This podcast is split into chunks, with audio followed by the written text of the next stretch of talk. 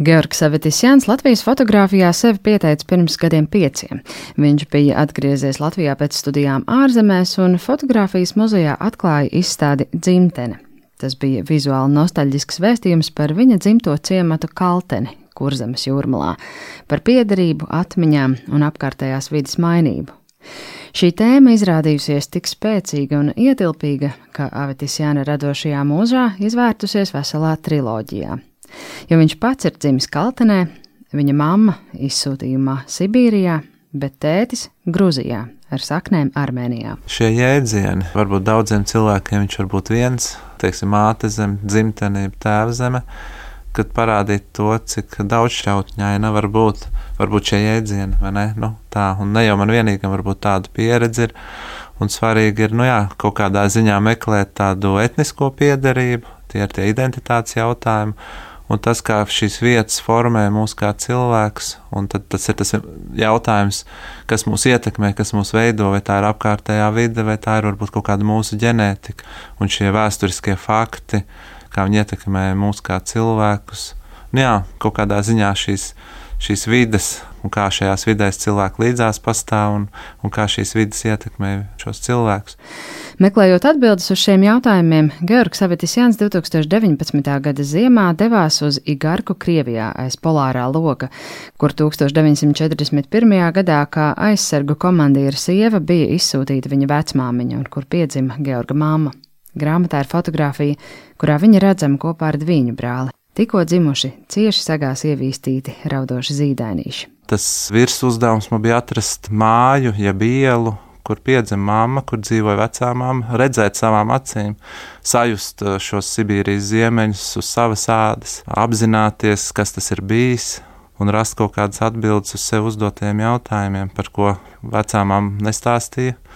Un es zinu, ka es esmu runājis ar citiem cilvēkiem un ģimenēm, ka tie cilvēki, kas ir piedzīvojuši kaut kādu smago realitāti, tajā laikā, kad viņi varbūt atvers, tad, kad iedzer, vai kad ir kaut kāds tas emocionālais stāvoklis. Nu, tas ir viens, un otrs jau, es jau biju mazs, un, un vecā mamma, ja arī runāja, tad ļoti pieticīgi.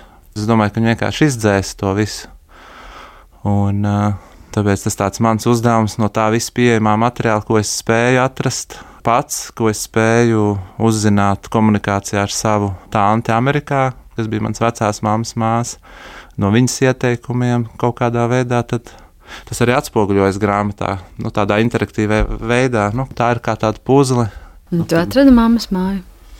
Es atradu Igarkas arhīvā, kāda viņa ir izskatījusies, bet pati māja ir nojaukta. Un tā iela ir pilnīgi tukša. Jo nu, lielākā daļa vecās igarkas, kur dzīvoja izsūtītie un, un, un tā laika cilvēki, viņas jau faktiski vairs nav. Principā visa vecā igarka tika relokēta uz, uz, uz diviem mikrorajoniem, kas ir uztaisīti centrā 70. gados. Tur tā dzīve notiek, bet nu, tā pilsēta ir samazinājusies no 30 tūkstošiem līdz 4. Uz Igārku Georgs devās pašā ziemas spēlgonī, kad tur bija ap mīnus 40. Bruņojies ar padomju laika fotokameru salūtu, kas pēc Georga vārdiem izrādījās tikpat neusticama kā visa padomju sistēma un piešķīra projektam papildus simbolisko nozīmi un vecmāmiņas draudzenes dienas grāmatu kabatā viņš sēdās vilcienā uz Krasnojārsku. No turienes lidoja uz Igarku, nezinādams, ko sagaidīt.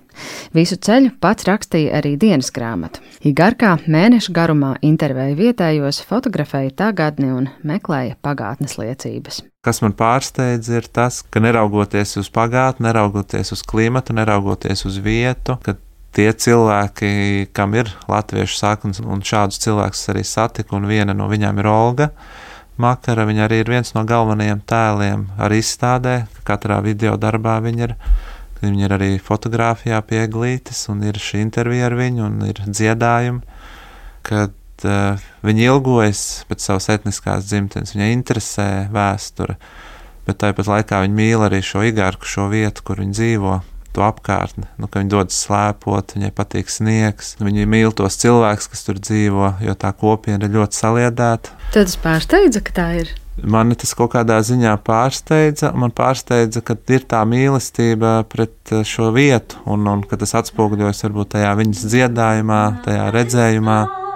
Zimoj, garka zavать, весной и гарка порт, Отпусти игарку плавать, далеко уплывет. Georga Avetisjana fiksētie iespaidi tagad sakausēti mākslas darbā, ko saukt vien par fotogrāmatu, būtu nepateikt visu līdz galam. Tā patiesībā ir pamatīga ar pelēku audumu apvilkta lāde, kurā iegūlusi gan vecmāmiņas izsūtīšanas lieta, augsta un lietišķa izziņa par vectēva bada nāvi apcietinājumā, vecās māmas draudzenes izsūtījuma dienas grāmata, vēstules no Amerikas tantes, kas mies ar poetiskām fotoliecībām par šodienas igarku un intervijām ar vietējiem. Nežēlība un cilvēcība nesaraujam saudušās kopā. Grāmata arī parāda, cik ātri reizēm vēsture aizmirstas.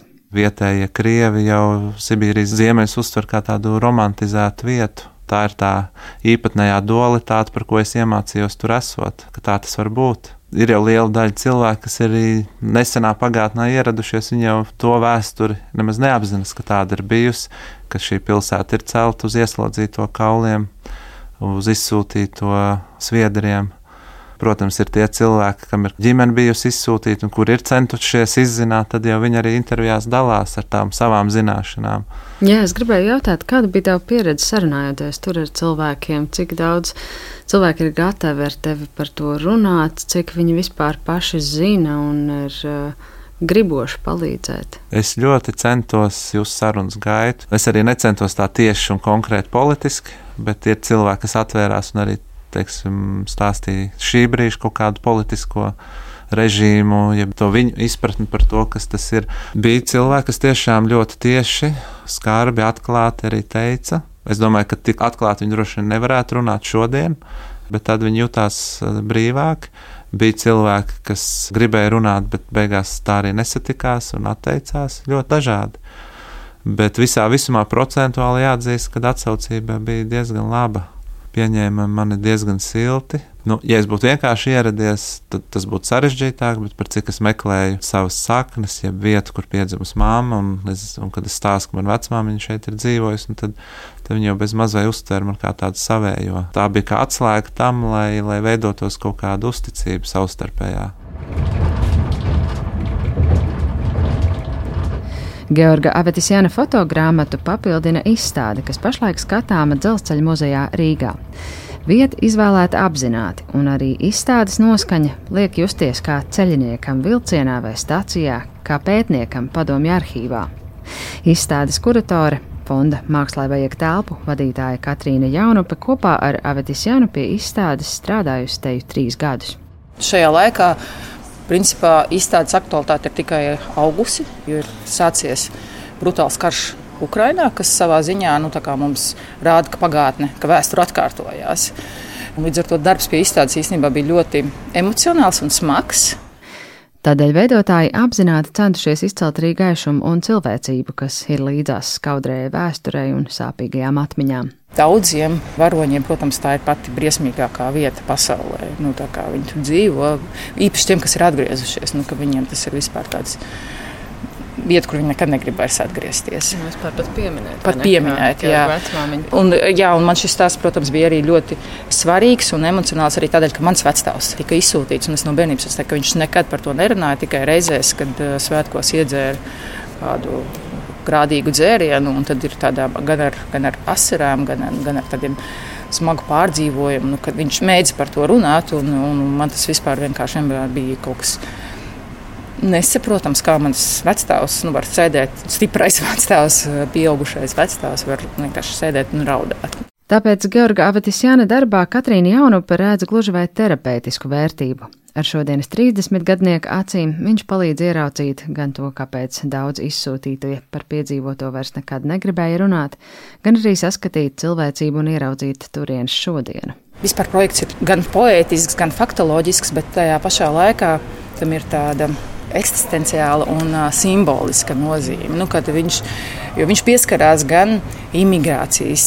gan asimilācijas, gan, uh, gan piederības jautājumiem. Viņš visus to spēta un viņam, un es domāju, tā projekta galvenais veiksmes stāsts, ka viņš tiešām no sirds jūt līdzi visiem varoņiem. Viņam no sirds tas interesē, viņš no sirds to visu izdzīvo kopā ar viņiem. Cilvēki nu, Ja, ja jūs būsiet izstādē un skatīsieties video, jūs redzēsiet, ka cilvēki viņam uzticas un atveras, nu, ka viņam ir kaut kāda spēja atvērt šos cilvēkus un uzzināt to, ko mums, es domāju, ne katram izdotos dabūt ārā no šiem cilvēkiem. Jo viņš, es domāju, tā galvenā atslēga ir tam, ka viņam tas pa īstam interesē un pa īstam sāp un ir pa īstam svarīgi. Un es domāju, ka tieši tādēļ cilvēki viņam uzticas un ir gatavi dalīties.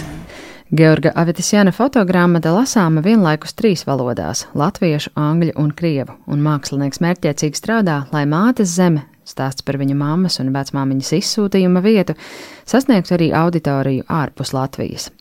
To papildinošā izstāde dzelzceļa muzejā būs skatām līdz augusta sākumam, bet tikmēr tapšanas procesā jau ir Avitisjana dzimtas pētniecības triloģijas noslēdzošā daļa par tēvzemi, jeb tēta saknēm Gruzijā un Armēnijā.